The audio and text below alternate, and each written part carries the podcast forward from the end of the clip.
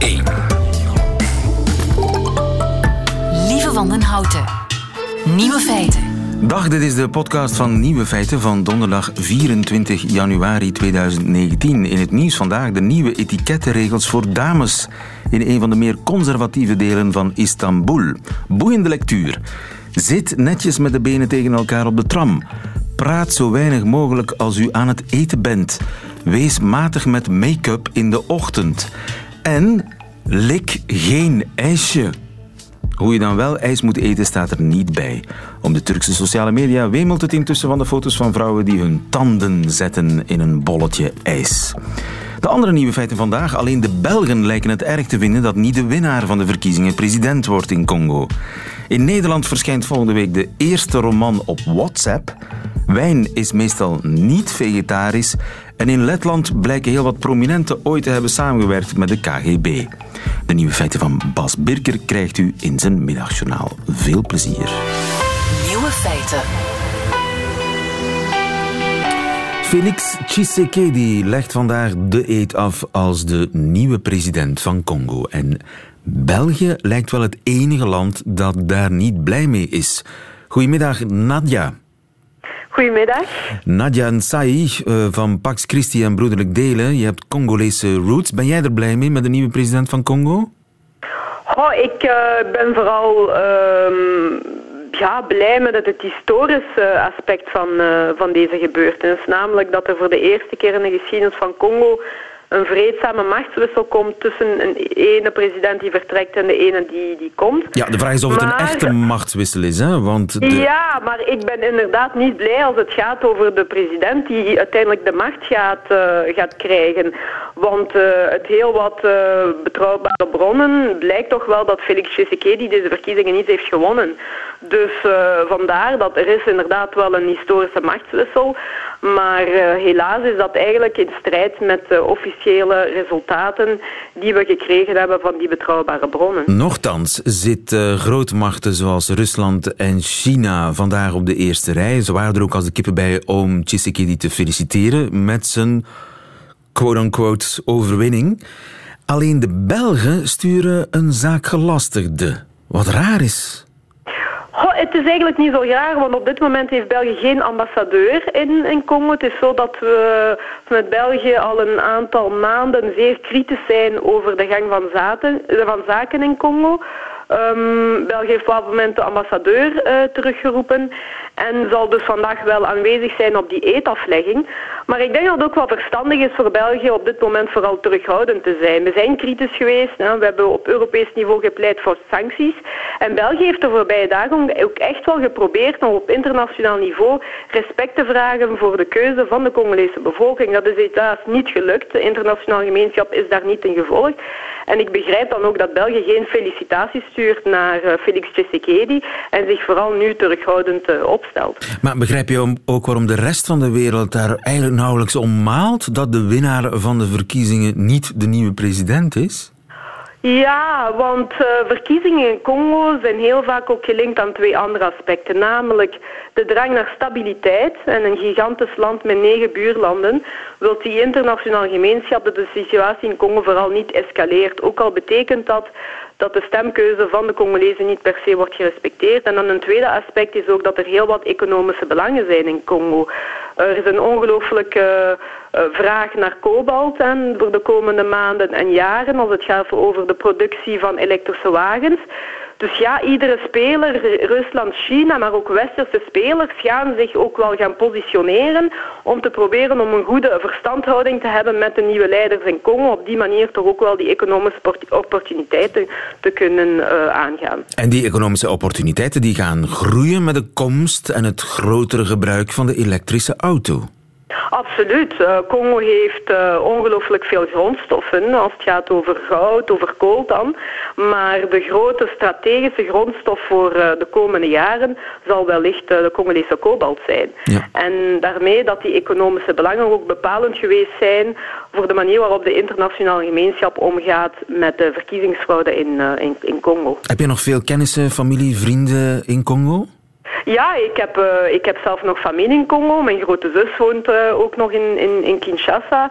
En het is toch ook wel een vaststelling dat ja, er is wel wat, er is heel veel teleurstelling, er is ook heel veel verdeeldheid.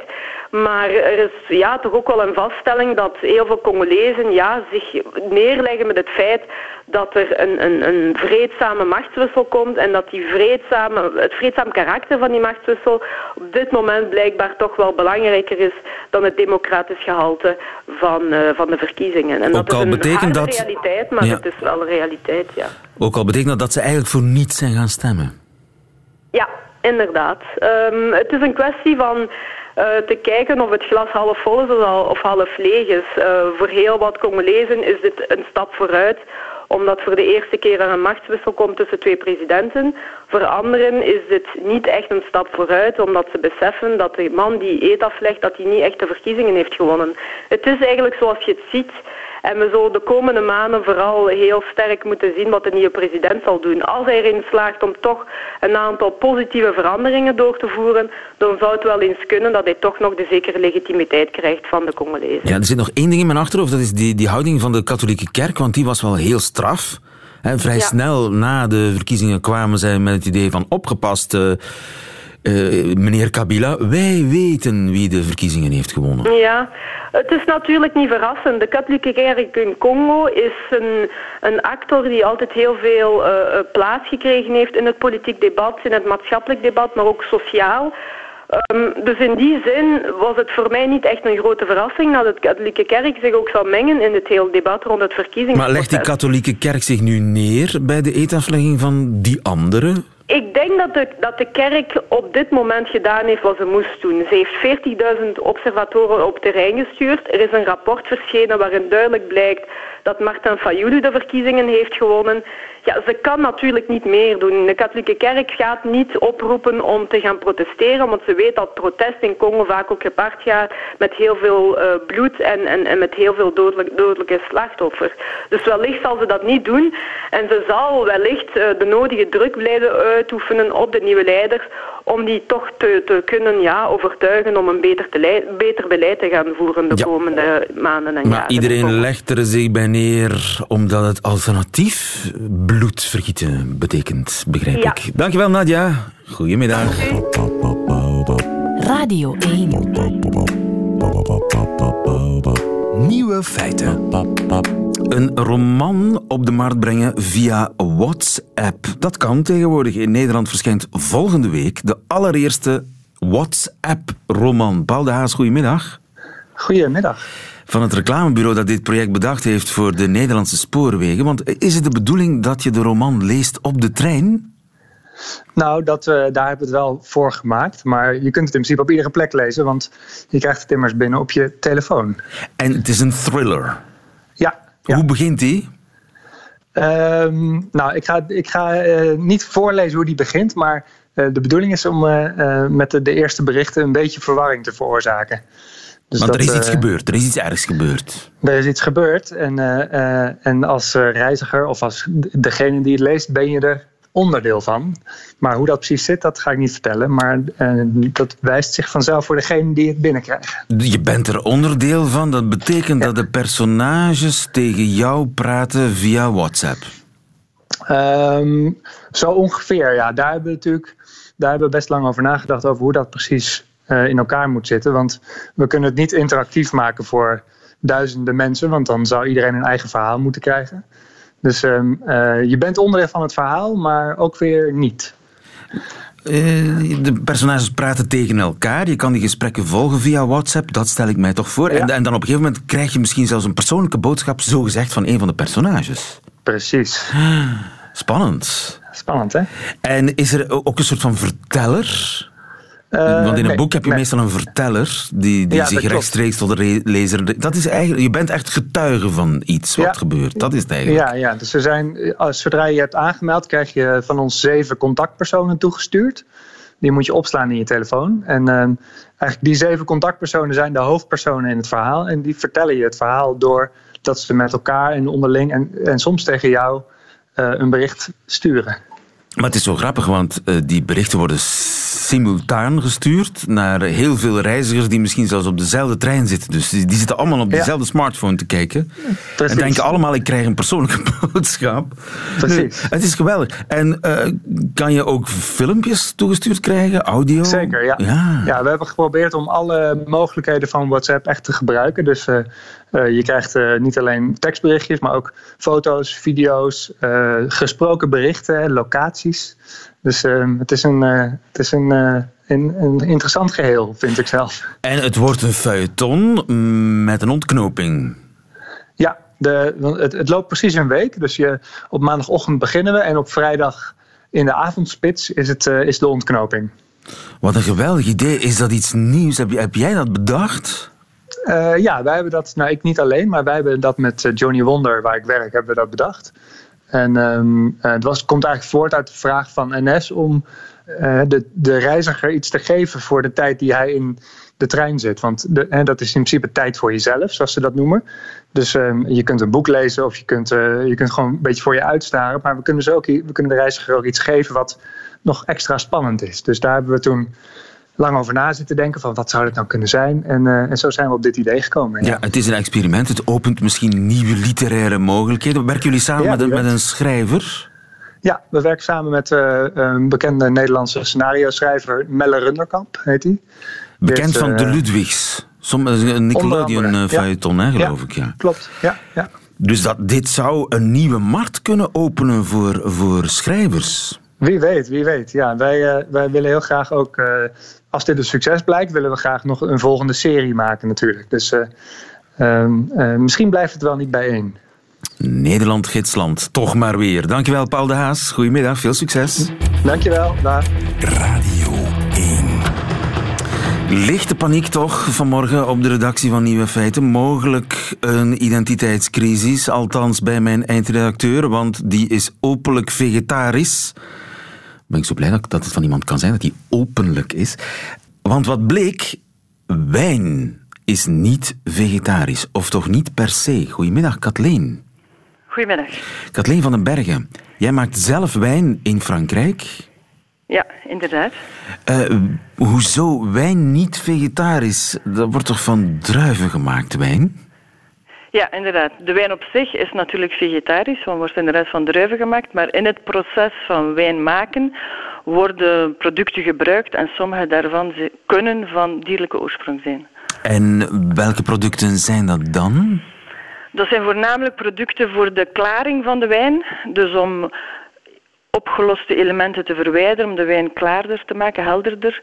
Want eigenlijk En is dat we- troebel, hè? Wijn is troebel. Als die bijna klaar is, is dat een soort... Ja. ja. Afhankelijk van de leeftijd iets, van de wijn Ja. kan hij inderdaad troebel zijn. En dan willen sommige wijnmakers die klaren om die helderder te maken. Ook om sommige mm, smaken te verwijderen, harde smaken bijvoorbeeld. En daar zijn verschillende producten voor. En de meeste historische vooral zijn van dierlijke oorsprong. En wat is dat dan? Dat is voornamelijk, eh, iedereen zal dat wel kennen, dat de vaten in Bordeaux worden geklaard met eiwitten. Historisch gezien en, nog steeds. Dus producten op basis van eiwit worden vaak gebruikt, maar ook producten op basis van vis, col de poisson noemt dat in het Frans, op basis van gelatine. Vroeger blijkbaar ook van bloed van eh, runderen, maar daar heb ik nooit eh, van gehoord persoonlijk, maar ik heb dat gelezen. Ja. Dus omdat dat proteïnen zijn en eigenlijk moeten de proteïnen binden met de elementen die in de wijn hangen en zo dan neerslaan op de bodem van het vat. Ja, ja. Dus uiteindelijk achteraf eh, blijft er in de wijn niks van over natuurlijk, hè, want dat wordt neergeslaan in de wijn.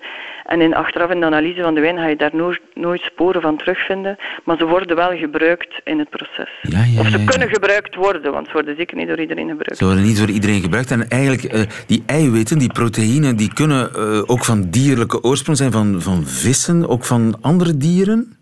Van vissen, van varkens denk ik dat gelatine afkomstig is. Van ei, eieren dus, van gewoon van kippen. Eieren, maar eh, ei, Ja, is, eiwit. mogen- ja, Eiwit. er zijn toch veel vegetariërs die eieren... Dat, eh, ik ben geen specialist, ah, ja, ja, maar ehm, in die zin zitten we dan inderdaad, het label is meestal vegan, vegan wine.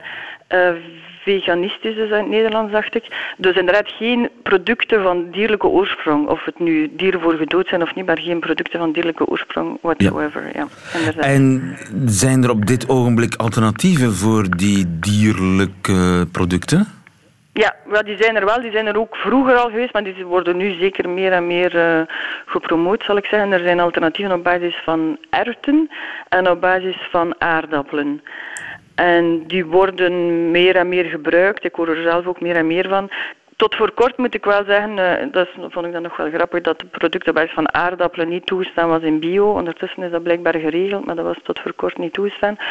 Uh, die producten werken ook, werken wel, hoor ik, trager, dus dat duurt langer. Dus zijn niet altijd even populair.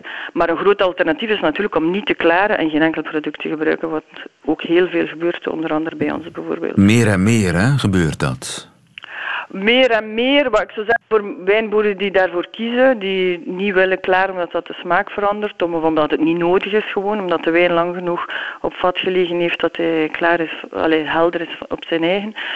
Um, en inderdaad voor allerlei, allerlei bekommernissen rond toeslagstoffen en uh, hulpmiddelen. Maar de wijn die jij maakt, die is niet geklaard, is die dan troebel? Nee, zoals ik zeg, nee, die is zeker niet troebel. Um, omdat hij lang genoeg op vat gelegen heeft, omdat hij niet snel gebotteld wordt. Bij de meeste wijnboeren, of commerciële wijnen zal ik zeggen, moet de wijn snel gebotteld worden. Dus moet hij helder zijn en vooral helder blijven over de tijd. Dus dan worden er meer producten in Meer additieven aan toegevoegd. Maar de consument wordt alsmaar bewuster. En in het geval van wijn, dat is raar. Eh, bij, alle, of bij de meeste producten staat een uitgebreide ingrediëntenlijst op het etiket. Bij wijn weet je niet eigenlijk wat je drinkt, hè? ik vind dat een beetje overdreven persoonlijk. Ik denk dat wijn inderdaad gemaakt wordt van druiven. Dat is toch wel nog altijd de basis. Uh, natuurlijk worden er producten gebruikt in het proces. Maar ik durf toch uh, zeggen dat waarschijnlijk zal dat bij andere voedingsproducten ook zijn. Dus uiteindelijk zie je inderdaad de ingrediënten, maar je ziet niet per se wat er wordt gebruikt in het proces. Ik denk dat dat bij melk of bij vleesproducten waarschijnlijk hetzelfde zal zijn. Dus uh, bijvoorbeeld, de grote grap is toch wel sulfieten. Wij moeten zeggen sulfieten staan op het etiket, maar er zijn heel veel andere producten in de voeding die sulfieten hebben, waarvan ik het niet zie staan op het etiket. Dus ik denk dat dat een beetje bij het haar getrokken is. Ik denk niet dat er zoveel verschil is tussen wijn en andere producten. En inderdaad, het basisingrediënt van wijn is druiven. En al de rest zijn hulpmiddelen in het proces. En dat is bij de meeste wijnboeren quasi niks of niks. Maar de uh, bio-wijnboeren. Meer en meer mensen worden vegetarisch, veganistisch. Die willen weten of die wijn al dan niet volledig plantaardig is en is gemaakt. Uh, is, hoe kan ik dat weten? Want natuurlijk, als u wil zeker zijn, dan heeft de wijnboer een label en dan staat dat label op het etiket. Um, maar veel wijnboeren, waaronder wij zelf, hebben dat label niet, omdat dat nog eens een label bij is en we hebben er al heel veel. Um, en dus heel veel wijnen zullen per definitie wel vegan zijn, maar ze zullen niet per se op het etiket staan. Dus daarvoor zal u de wijnboer moeten kennen en geloven hoe dat hij werkt en er dus vertrouwen in hebben. Of misschien zal er een druk komen uit de markt dat dat label wordt gepromoot en dat we worden aangemoedigd om Zijn dat ze met frisse tegenzin? Ah, ja, omdat weer een label is, weer een uh, kosten natuurlijk. Hè, want die labels zijn allemaal niet gratis natuurlijk. Hè. Een labeling die moet aangepast worden op het etiket, die misschien niet mag geëxporteerd worden. Ik weet niet, ja. ons bio-label mogen niet in Amerika op ons label zetten. Allee, ik wil zeggen, dat zijn allemaal complicaties. Voor een klein wijnbedrijf is dat niet zo evident. Voor een groot melkbedrijf is dat allemaal evident misschien om te managen, maar voor een klein wijnbedrijf is dat niet altijd. Dus als je echt zeker wil zijn, uh, vraag de boer maar, maar in principe, de gewone supermarktwijn, daar mag je van uitgaan dat daar dierlijke producten zijn in gebruikt. Ik durf nooit in algemeenheden spreken, maar uh, commerciële wijn die snel moet op de markt gebracht worden, is toch altijd meer risico dat daar meer producten in worden gebruikt. En uh, nogmaals, er is geen link tussen bio en vegan. Hè. Dus uh, je kan bio zijn zonder vegan en je kan vegan zijn zonder bio. Dus die twee zijn ook niet gelinkt. Dus het bio-label is niet altijd een garantie voor andere producten die mogelijk wel zouden gebruikt zijn. Dus inderdaad, dat is moeilijk te weten. Misschien dat daar in de toekomst helaas voor jou nog weer een, uh, een label bij komt, ja, Kathleen. Want jij doet het, voor alle duidelijkheid, jij bent wel vegan. Eh, ik durf zeggen dat wij bijna, eh, wat we nu de laatste jaren doen, sowieso vegan wijn maken, de facto. Maar inderdaad, ik heb het label niet genomen. Ook omdat ik persoonlijk niet vegan ben, dus ik ben misschien ook minder bewust van de problematiek bij, die bij sommige mensen leeft. Mag ik je nog veel succes wensen in de wijnbranche. Dankjewel. Dankjewel. Kathleen van den Bergen in Frankrijk. Goedemiddag. Dag. Radio 1. Nieuwe feiten. Meer dan 4000 Letlanders zijn geout als voormalige KGB-agenten. Koen Verhelst, goedemiddag. Goedemiddag. Onze man in de Baltische Staten. Uh, wat is er gebeurd? Ja, het gaat om de zogenaamde uh, Cheka-zakken. De, de, ja, de, de, de, zakken de Cheka-zakken. De zakken die de KGB heeft achtergelaten toen ze in 1991 uh, Letland uh, verlieten. En wat is Cheka? De Cheka is, is een van de, de voorlopers van de KGB. Oké. Okay. jaren 20. En die hebben zakken nagelaten, kennelijk. Ja, er zitten allemaal naamkaartjes in. En het zijn, ja, dat, dat worden dan agenten genoemd. Maar ja, in werkelijkheid waren het meer informanten. Sommige mensen wisten niet eens dat ze uh, op deze lijst stonden. Dat, ze, dat hun naam bekend was. En die dus zakken die zijn nu uit de kast komen vallen? Ja, nou het parlement heeft inderdaad vorig jaar besloten om die eindelijk uh, eens uh, te gaan publiceren. Er was al veel langer discussie over, moeten we dat nou wel doen, moeten we dat nou niet doen? En als we het willen doen, hoe moet het dan vervolgens gebeuren? Want het is natuurlijk nogal een, nogal een zaak van, ja, als je naam daarin komt te staan, uh, ben je dan werkelijk schuldig aan collaboratie? wat heb je gedaan? wat betekent het precies? ja, het rijdt dus, allerlei oude wonden open. En zijn er veel prominenten op de namenlijst? Er zitten er een paar op, ja. Er zitten een paar uh, voormalige uh, rectors van de universiteit zitten erop. Een paar politici, filmregisseurs, heel veel figuren uit de culturele sector. en die, die, die, een aantal van hen die hebben gezegd van wij gaan onze naam zuiveren. wij gaan naar de rechter. En bijvoorbeeld één radiopresentator die heeft het gedaan. En die heeft zijn, zijn laten we zeggen, zijn, zijn recruiter heeft hij gevonden. En die heeft gezegd van ja, inderdaad, deze man die heeft geen, uh, geen belastende informatie afgegeven over zijn landgenoten. Maar hoe komt dus hij dan uh, op de KGB-lijst terecht? Nou, het zijn niet alleen, het zijn niet alleen maar mensen die, uh, die bijvoorbeeld iets belastends hebben gedaan. Het zijn ook mensen die onder druk zijn gezet door de KGB. En gezegd van nou, we, gaan je, we deporteren je kinderen als je niet meewerkt. Uh, er zijn ook voorbeelden van uh, medici die leidend waren in hun vakgebied en die, uh, die naar West-Europa wilden om, om daar meer te leren van de technieken die daar gebruikt werden. En dan de enige manier om een uitreisvisum te krijgen was door samen te werken met de KGB. Aha, dus er zit ook heel wat grijs tussen zwart en wit.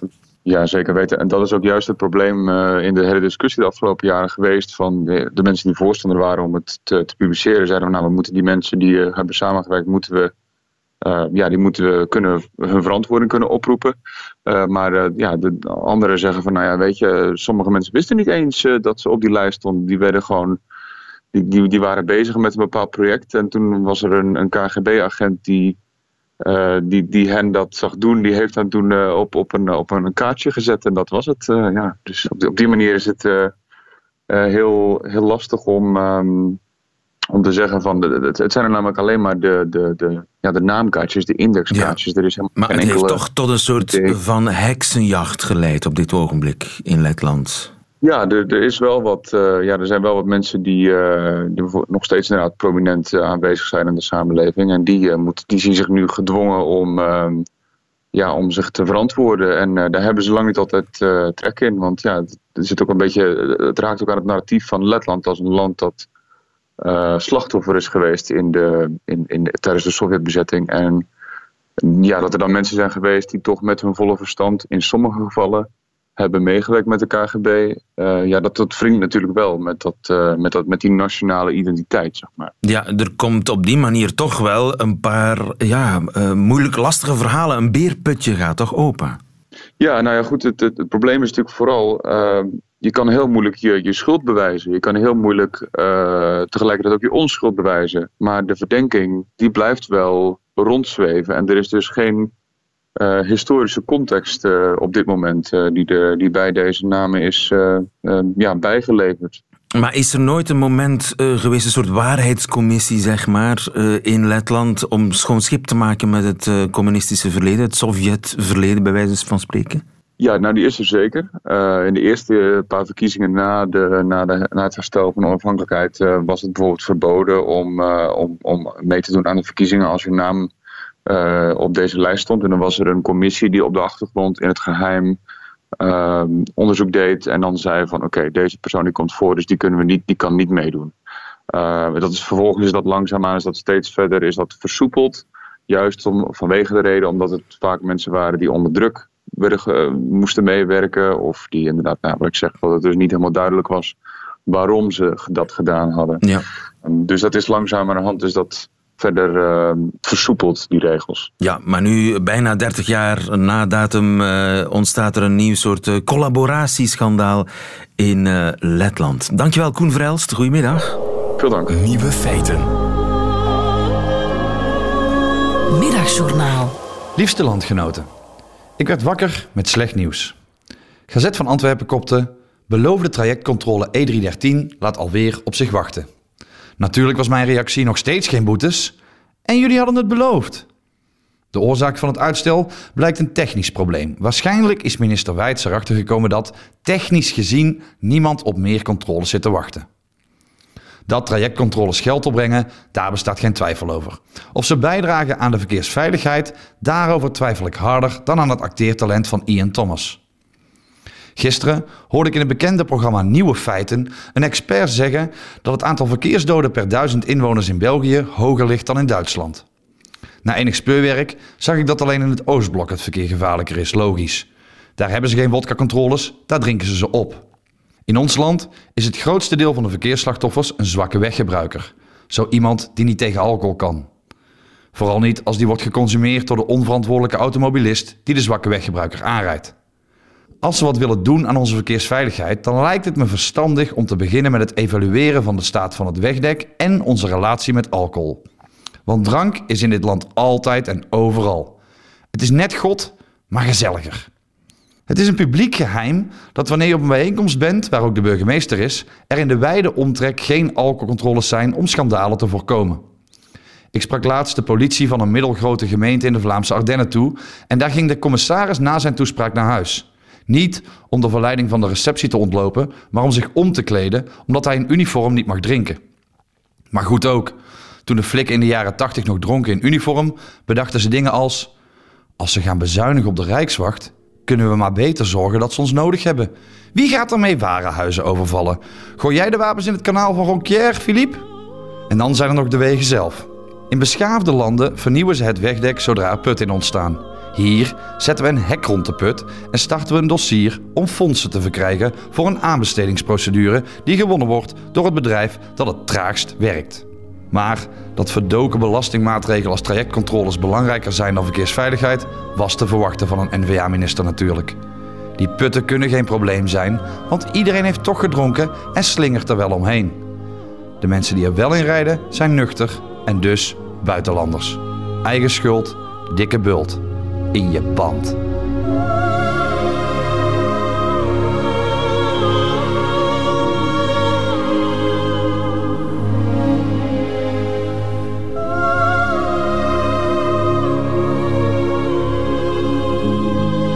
Middagjournaal met Bas Birker. Einde van deze podcast, maar u vindt er nog veel meer op radio1.be en op alle mogelijke podcastkanalen. Tot volgende keer.